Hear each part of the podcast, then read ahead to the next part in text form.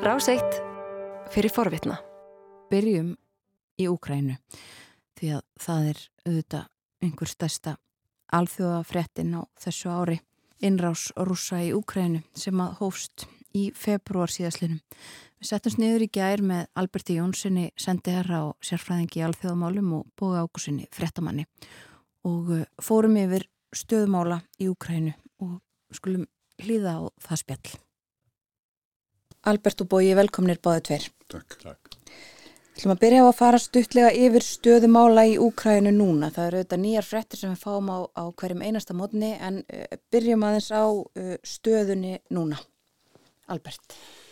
Já, sko, stríð hafa einn dýnamikið eins og sagt er, aldrei hægt að fullera á mikið en það er samt sumir hlutir sem er alveg ljósir í þessari stöðu, aðrir eru síður ljósir. Það sem er alveg ljóst Uh, hvað var það rússana er að þeim hefur mistekist herfilega í Ukræna það er ekkert floknar en það. Þeir hafa látið að hendi mest af því sem þeir tóku á landsvæðum í Ukræna eftir nýrásina þeir eru í vörn í bókstaflegum skilningi. Þeir eru að grafa sér niður í, í Ukrænu í varnalínur um, herin þeirra hefur orðið fyrir feiknarlega miklu tjóni miklu manntjóni og gífurlega hergagnartjóni Það hefur stríðið leitt til ljós mikla og alvarlega veikleika í rúsneska hernum sem voru auðvitað til staðar áður en innrásin hófst og grund og allar veikleika verða áfram til staðar. Það eru tvær sístur þarna sem heita spilling og vanhæfni og eru auðvitað nátengt fyrir bær og svo eru herinn í afar ítla statur, mjöglegu móral,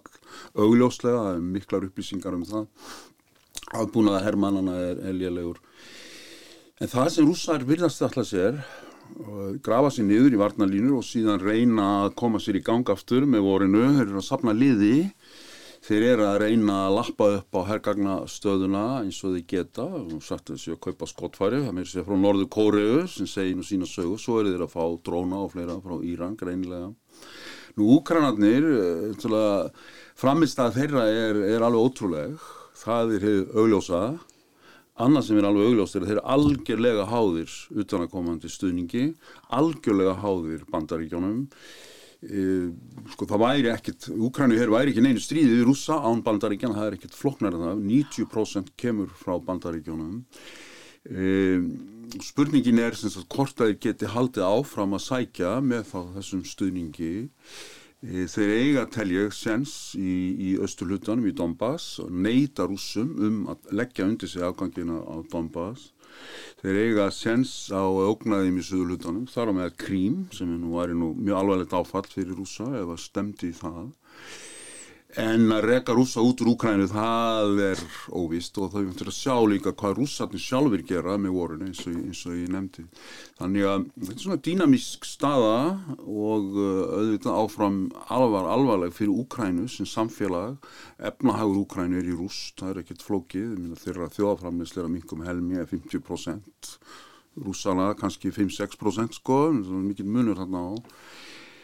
Þannig að það er erfitt átt að sjá því hvernig spilast þú þessu. Ég held að kyrstöðu hernaður er tölverð, það er tölverð líkur á hann. Já, eins og þú segir einmitt, eh, rúsarnir eru bókstaflega að grafa sér niður núna uh, og það er stundum talað um einmitt veturinn í svona stríði mm -hmm. er þá einmitt kyrstaða fram á vor líklega eða? Já ekki endanlega vegna, vegna vetrarins sko þegar að nú er náttúrulega að frjósa mjög hratt í Ukræn og þá er þetta að kera skrittargana út fyrir vegina og svo framvegis Vesta veðrið því að hernaðin er að, er að höstin og svo aftur núna í mars þegar að þýnar sko. Já sem við sáum Já, já. en já uh, sko kyrstaða hernaði fyrst og kannski vegna þess að eins og segja að rússarni er að grafa sér niður að koma í ljós hvaðni Ukræn mannanum gengur gegn því um leið og anstæðingur þín hefur gert það þá þarf þú miklu meira en áður til þess að, að, að regjan og um, Úkranin segja við höfum fengið fullt af vopnum og, og fína græði frá bandaríkjum en okkur vantar bara miklu meira. Og það er uppið skriðtrekk og ímislega sem að hefur allan ekki verið svarað eins þá mm. Það er hans heflugulega líka sem já, að, já, sem að eh, já. NATO og bandaríkin hafa ekki verið tilbúin nei, að gera. Nei, það ætlar að sækja gegn anstæðingi sem búin að koma sér fyrir í varnalínur og þá, þá, þá, þá breytist uh, breytist samkeppnum tölvust mikilvægum aðtrið og það hefur alltaf verið regla í hernaði líka að það eh, kostar miklu meira mannfall að Já. sækja heldur en að verjast. Og við tala um stundum uh, hlutvalið þrýra móti einum og uh, þetta hefur uh, valdið því að uh, rúsneski herin hefur beðið miklu meira tjón heldur en þess að ukrainski þó að, að öllum líkindum hafi tíur þúsunda manna uh, ukrainumanna fallið í þessu stríði. Já. Og uh, það er talað um já, saminuði þjóðurna að telja sig vítæm held ég eitthvað á 700.000 almennra borgara sem hafi fallið en þeir eru nánast öruglega miklu fleiri. Akkurat. og þar í, í þessum hópi er vitað um eitthvað 700 börn og þau mm. eru mm. öruglega miklu miklu fleiri og þá eru ótaldar aðrar þjáningar og uh, framferði rúsneska hessins og þó sérstaklega sveita eins og eins og kallega Wagnerhóps eru skelvilegar uh, og það má líka segja kannski það er merkjum það er í rauninni staðfesting á því að uh, Putin tókst ekki það sem hann ætlaði sér að vera núna að ráðast á innviði í Ukrænu. Það eru nýju miljónir manna í Ukrænu sem eru hafi ekki ramagn eh, núna. Úkrænum ennur 44 miljónir þó að sé óvist hvað eru margi sem að búa í Úkrænu vegna þess að það eru um 7 miljónir sem að flúi til, til uh, útlanda.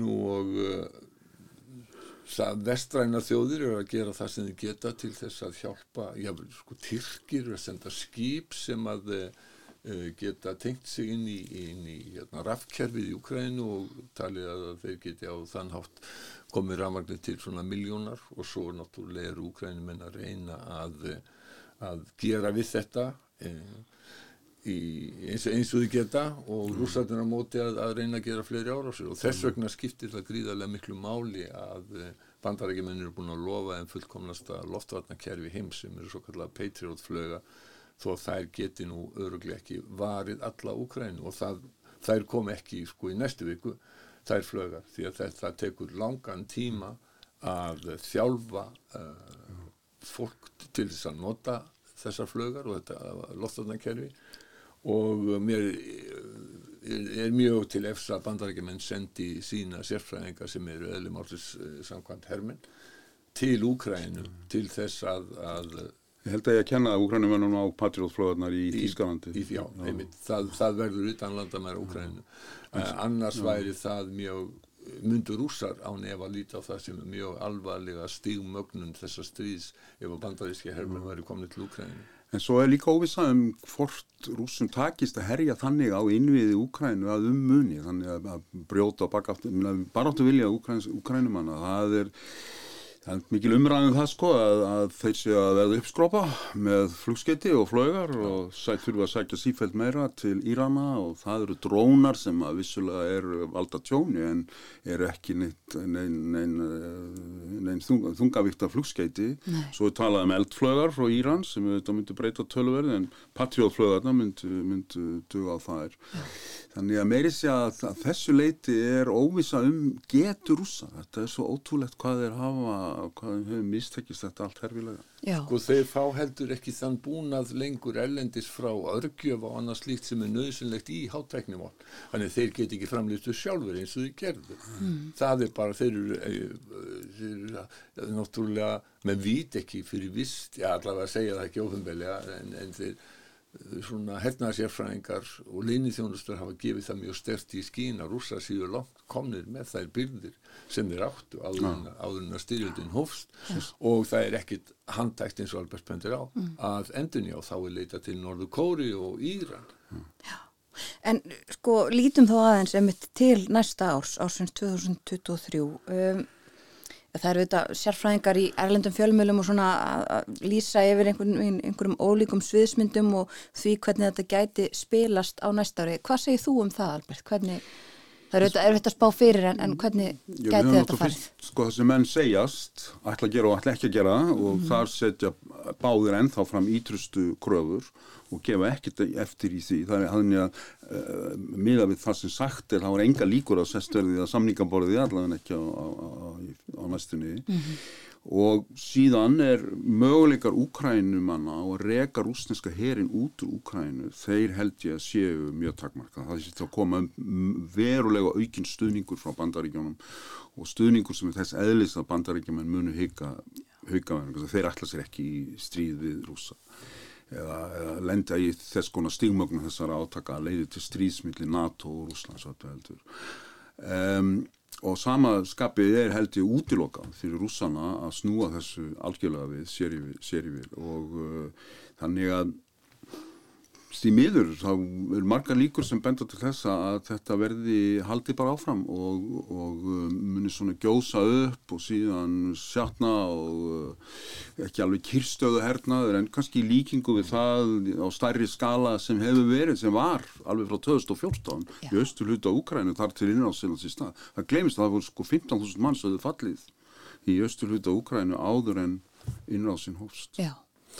Það eru átök í gangi núna. Að rússar hafa af einhverjum sérkennilegum ástæðan sókt mjög hartað uh, bænum hérna, Bakmút, Bakmút uh, og uh, þeir, já svona einhvern hluta vegna dettur manni stundum í hug fyrir heimstyrjöldin þegar að þegar að maður hugsa um výlínuna og stöðuna þarna í Úkræn Myndirna frá Bakmút eru sláandi líkar. Það eru það, það eru Vístöðunum, Vívöllunum í Fraklandi Það eru skotgrafir og, og, og, að sumuleiti þá virðist þetta vera sko, ég, ég veit ekki, helst að líka við úrustuna við Verdang 1916 þegar að eh, þjóðverjar sóttu að Verdang til þess að frakkar settu allan hérinn þeir beinlýnist til þess að, að láta frakka að blæða út mm og uh, það var náttúrulega miklu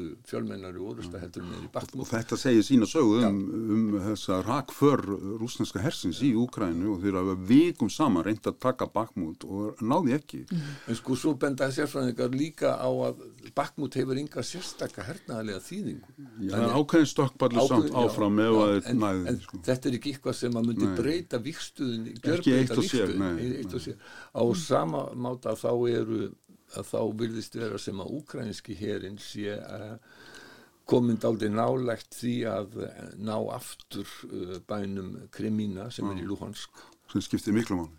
Og hann skiptir hernaðlega meira máli út af samgöngur, út af vegum og hraðbröðum og slíku. Uh, og eins og Albert sagði upphafi það mistókst allt hjá rúsum þeir heldu, þeir mislásu hérna, stöðuna algjörlega á Putin og hans menn. Algjörlega þeir heldu að Úkrænum myndi falla eins og spilaborg uh, og það væri engin og þeir, það, þeir, þetta er svo einkennlegt þetta, þetta eru nánast sko bræðra þjóðir eða sistrar þjóðir, það eru hlið við hlið. Tungumálinn náskild og, og meiri hluti Úkrænumanna uh, hafði rúsnesku að móðumáli og að rúsneska leinithjónustan átti sér ekki á raunverulegu stöðu mm. uh, og Já, hugsanlega, maður veit aldrei, sko, er þetta þannig að eins og oft er í innræðisíkjum að innræðisherjarnir verða einangraðir að það er enginn sem þórir að segja honum.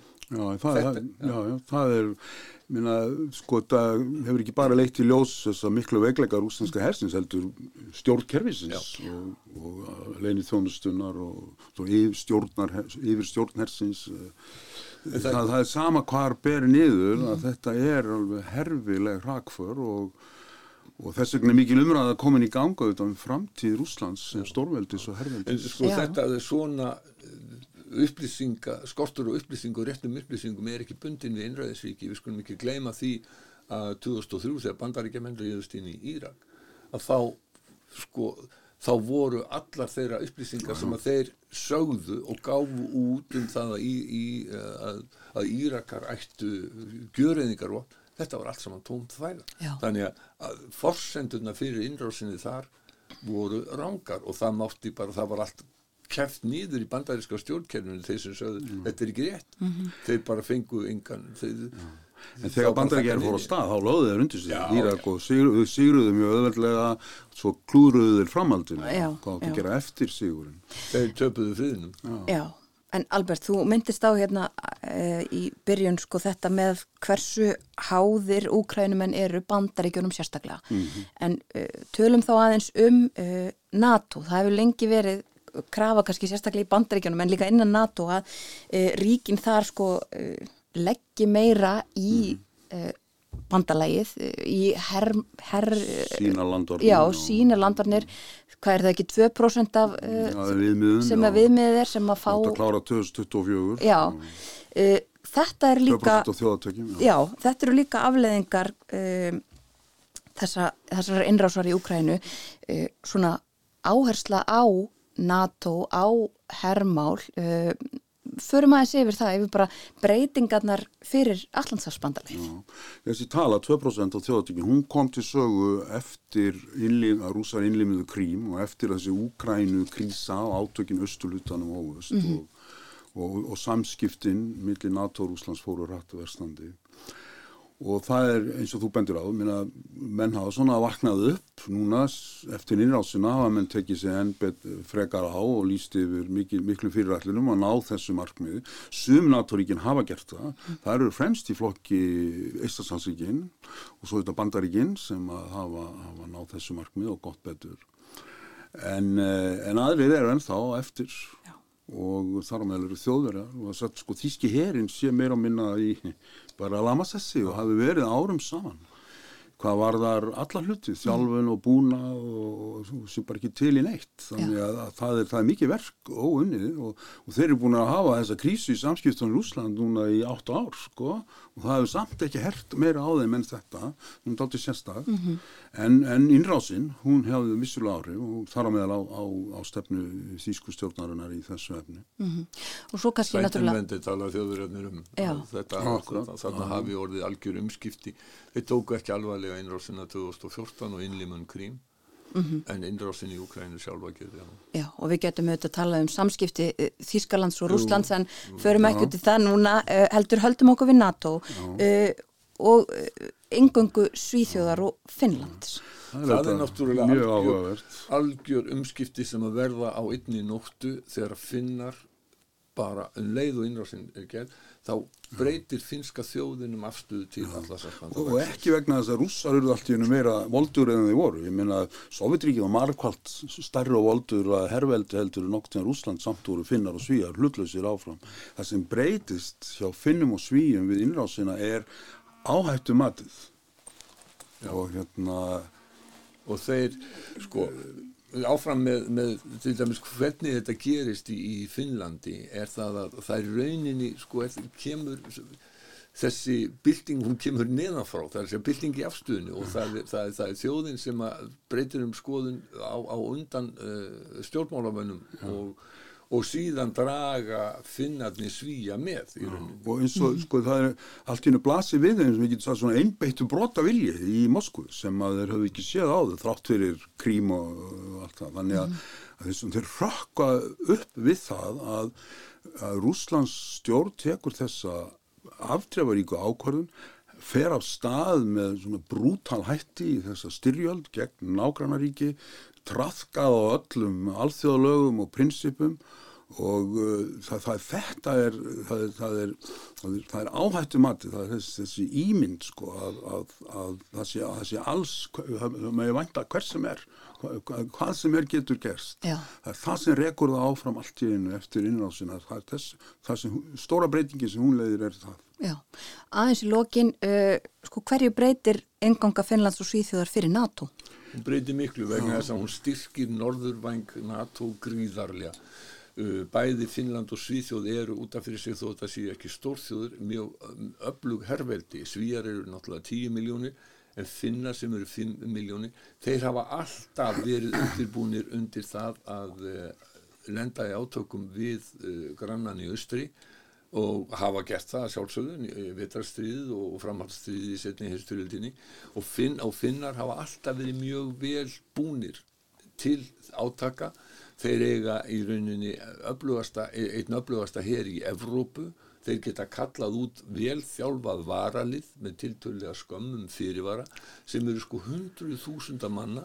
Og þeir eru vel vopnaðir, þeir eiga talsvölda byrðum þannig að það sko rúsneski hérin fyrstulega hefða náttúrulega enga burði til þess að ráðast á Finnland núna en jáfnveg þó hann hefði ráðast á Finnland áður en að ríðist á Ukrænu þá hefði það ekki verið auðvöld.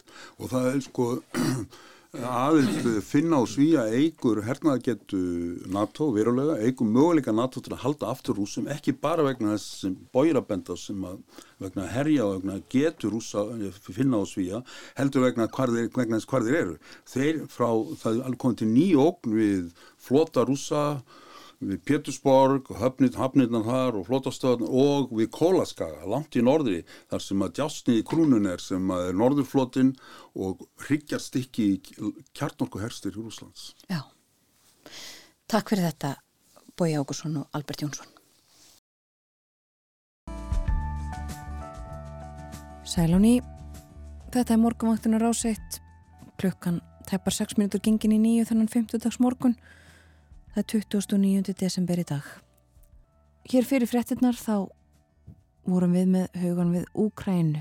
Ehm, fórum yfir stöðumála þar með Alberti Jónssoni sendiherra og sérfræðingi í alþjóðamálum og bóða ákusunni frettamanni.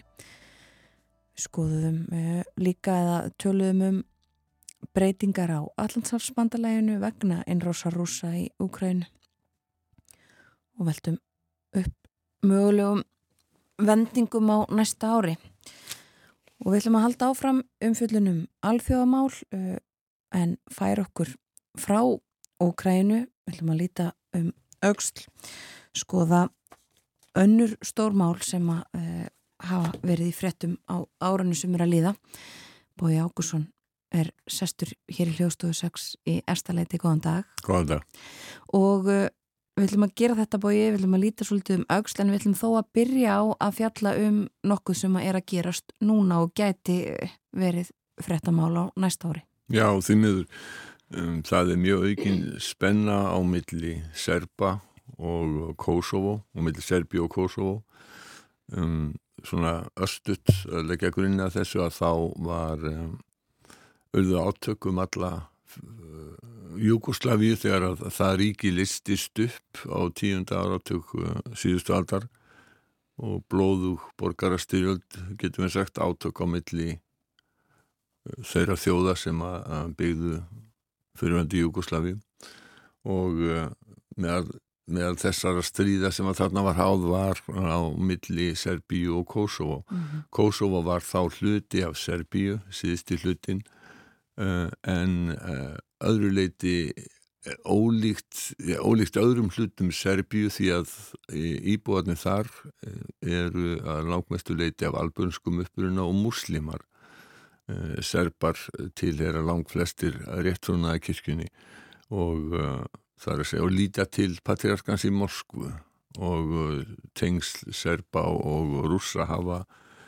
löngum verið mjög náinn og serbar lítið mikið til rúsa en eh, þessu blóðuga stríði á milli eh, serba og Kosovo og Albana lög 1999 þegar að NATO skasti leikinn eftir blóðugar árásir eh, Serbíu sem að þá var undir stjórn Milosevic sem að var harlínu þjóðurnesinni og Það sem að gerist síðan er það að eh, landið er sett undir stjórn saminuðu þjóðana og árið 2008 lýsir Kosovo yfir sjálfstæði og það er yfir hundra þjóður sem hafa viðurkent eh, Kosovo sem sjálfstætt land, þar með Ísland en serbar hafa aldrei gert það. Nei.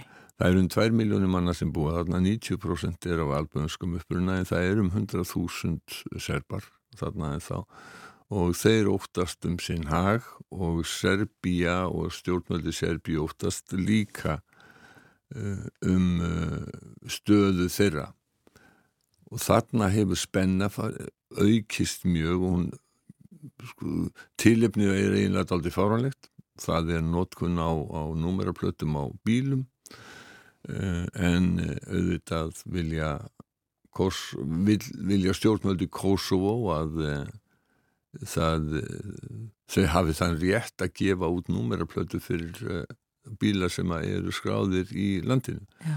Uh, Kosovo Albanar, eða Serbar fyrir ekki Kosovo Serbar hafa ekki viljað nota þessar númaraplötur þarna kemur upp deila sem að manni finnst já tímabili heldum en að það væri búið að, að lesa þetta en svo kemur aukinspenna enn á ný og nú búið að kalla uh, ja, það, það voru settur vegatálmar serbarnir settur vegatálma á landamærunum og uh, nú hefur svo farið að uh, serbar hafa kvart út hér og sendt hér að landamærunum.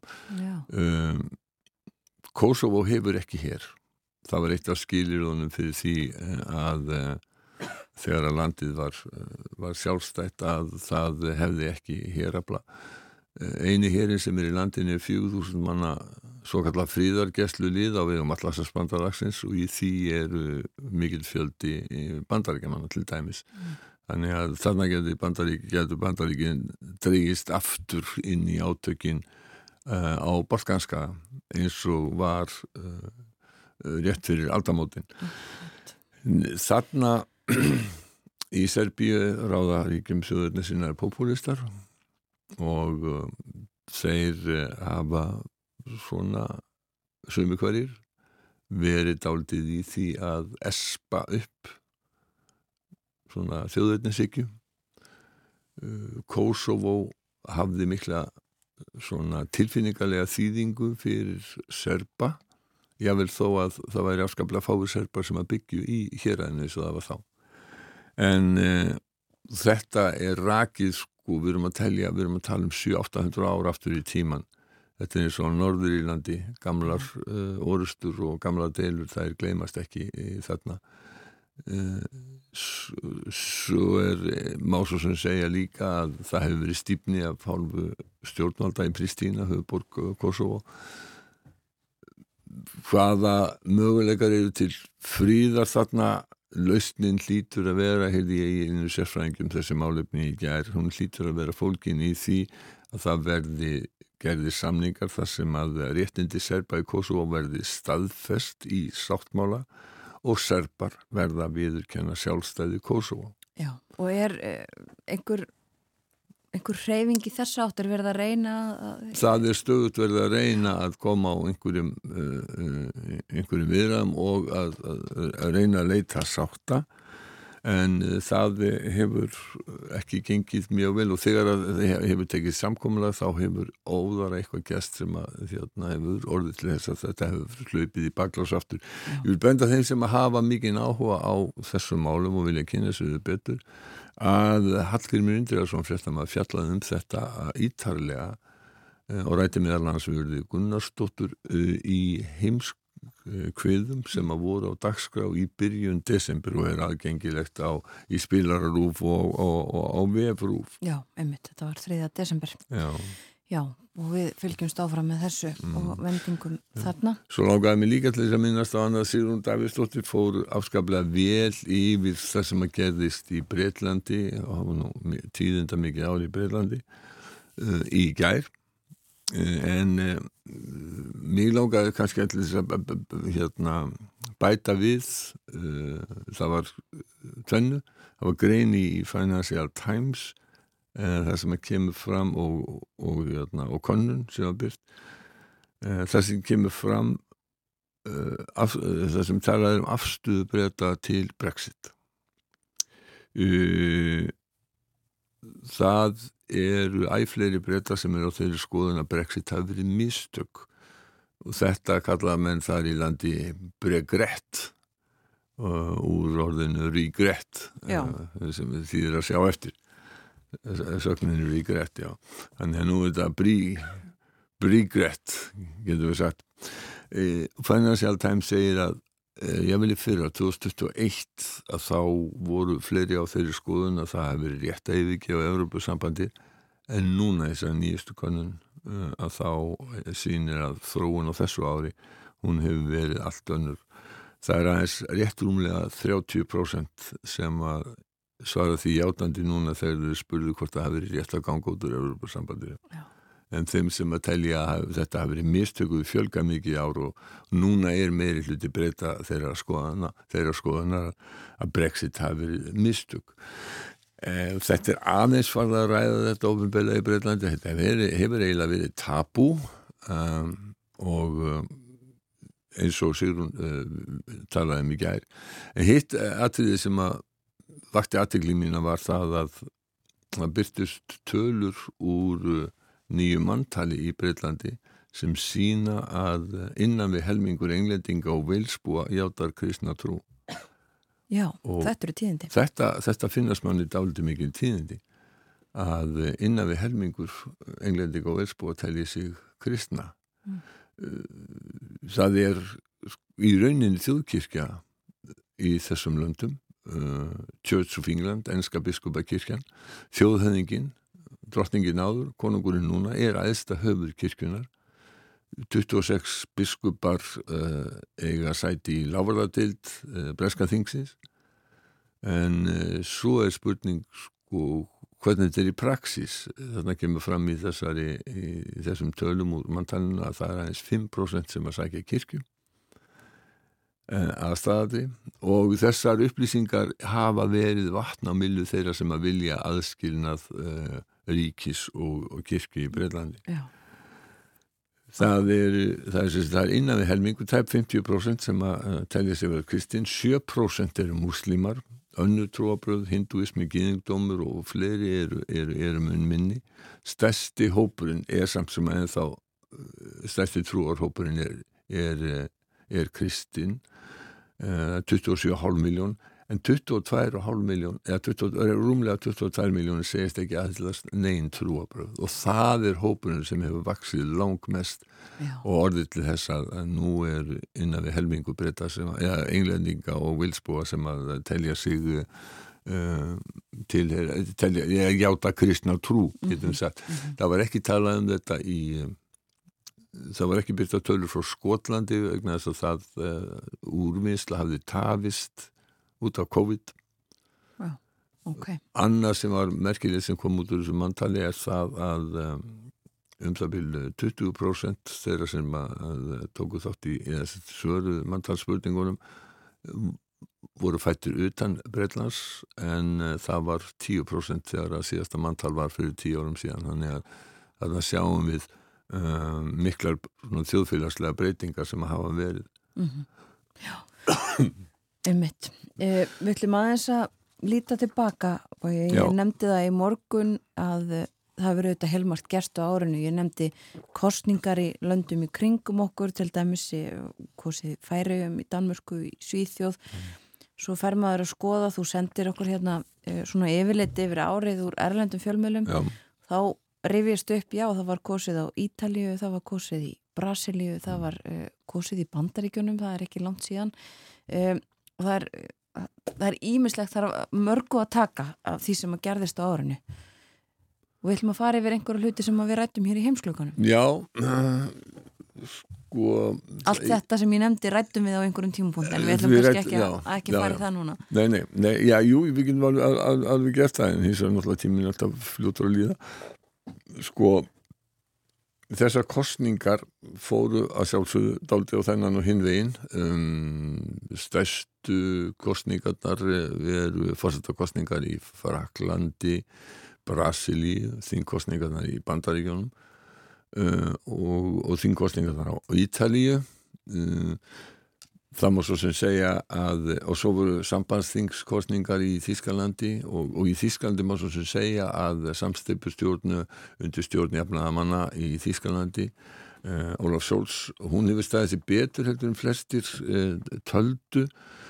Uh, nokkur þeir hluti sem að menn hafi verið að telja upp að hafi komið á óvart er mikil samstæða vestrætna þjóða, ekki síst Evrópu þjóða, með uh, Úkrænu það eru langflestar Evrópusambandsþjóður sem að stýða þá af heilum hug. Það eru sumir sem eru svona hallari undir um, já, skulum segja hafa ekki gengið eins langt á, á margar aðrar. Og þar má nefna til dæmis ungverja.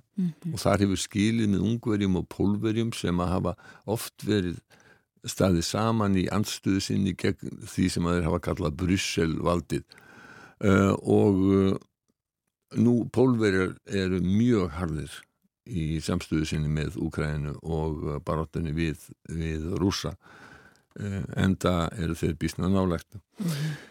Nú, við getum sagt líka að fórsettakostningarnar, eh, meðal þessum við fjöldluðum um var eh, fyrir kostningarnar var eh, öfga hægri sinni Erik Semúr sem að reyndi að verða frambjóðandi sem að kemist í setni umferðina á móti Emmanuel Macron fórsetta en það tókst honum ekki, það var þá endanum Marine Le Pen og Macron vann nokkuð örugan sigur þó að það sé á það bent að, að, að svona manneske sem sé jafnlangt til hægri og jafn þjóðurnisinnuð og mikil populisti og Marine Le Pen hafi aldrei náð viðlíka árangri í kostningum í Fraklandi.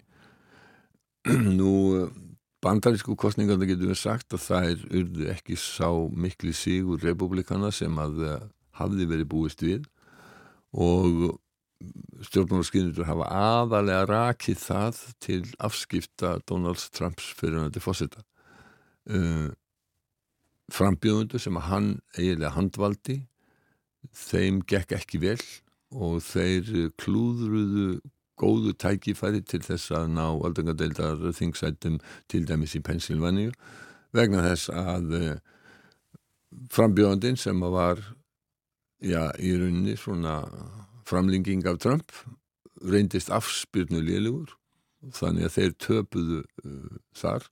Og víða má segja að hér sama hafi gerst og sígurinn þó að þeir síu með meiri hluta hafi fengið meiri hluta í fulltróðadeiltingsins að þá er svo sígur minni heldur en að reikna hafi verið með.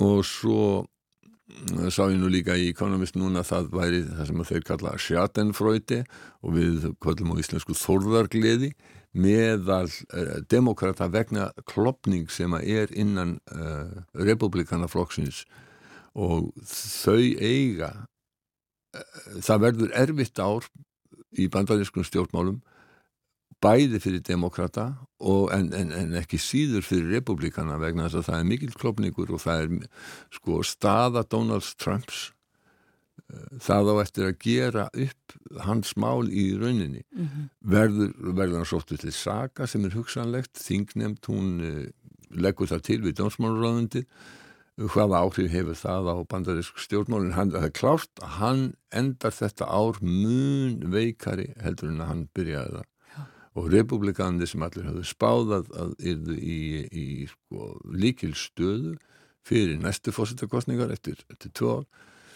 að þeir eru það ekki. Nei, og Trump hefur bóðað frambóð til þeirra kostninga og, og Joe Biden ætlar svona að gefa endalegt svarið mitt snemma á nýju ári, já, ef ég mann rétt. Já, og það var einmitt sko eh, NBC, fréttastofan var að tala um það sko að, að eh, ef tekinn væri staða að Joe Biden sé upphafi ásins og er lok ásins að þá stæði Joe Biden miklu sterkar núna og hann hefði í rauninni náð ótrúlega mörgu í gegnum þingið og af sínum stefnumálum og stæði bísna sterkur og miklu sterkari innan demokrataflokksins heldur en að hann hefði gert áður. Já. Sko, svo má kannski nefna líka að það verður vatnaskil í stjórnmálum á Norður Írlandi. Já. Þar eru uh, katholikar, orðnir fleiri heldur en mótmælendur og það kom að ljósa í kostningum í mæ en það hefur eins og ekki tekist að mynda stjórn uh, hér að sinns vegna anstuðu mótmælenda eða sambands uh, hérna, DUP, Democratic Unionist Party mm. Annað sem að líka gerist á þessu ári að því að uh, sem verður mjög merkild er það að kynverjar verða einhvern tíman á, á næsta ári ekki lengur fjölmannasta þjóð heimsins Einmitt. Índverjar fara fram úr þeim, talið að verði í mars. Já. Eins og alltaf þá hleypur tíminn frá okkur en við lítum kannski einmitt eh, nánar til næsta árs þegar það verður komið e, í næstu viku eða síðar. Já, að vísu uh, verði ekki í næstu viku. Nei, það er næstu viku. Takk fyrir í dag, Bóði Hókusson. Þú varst að hlusta á hlaðvarpsþátt frá Rás 1. Ef þið langar til að heyra meira, farðu þá á rúf.is skástrygg hlaðvarp eða spilaran á rúf.is skástrygg útvarp. Rás 1 fyrir forvitna.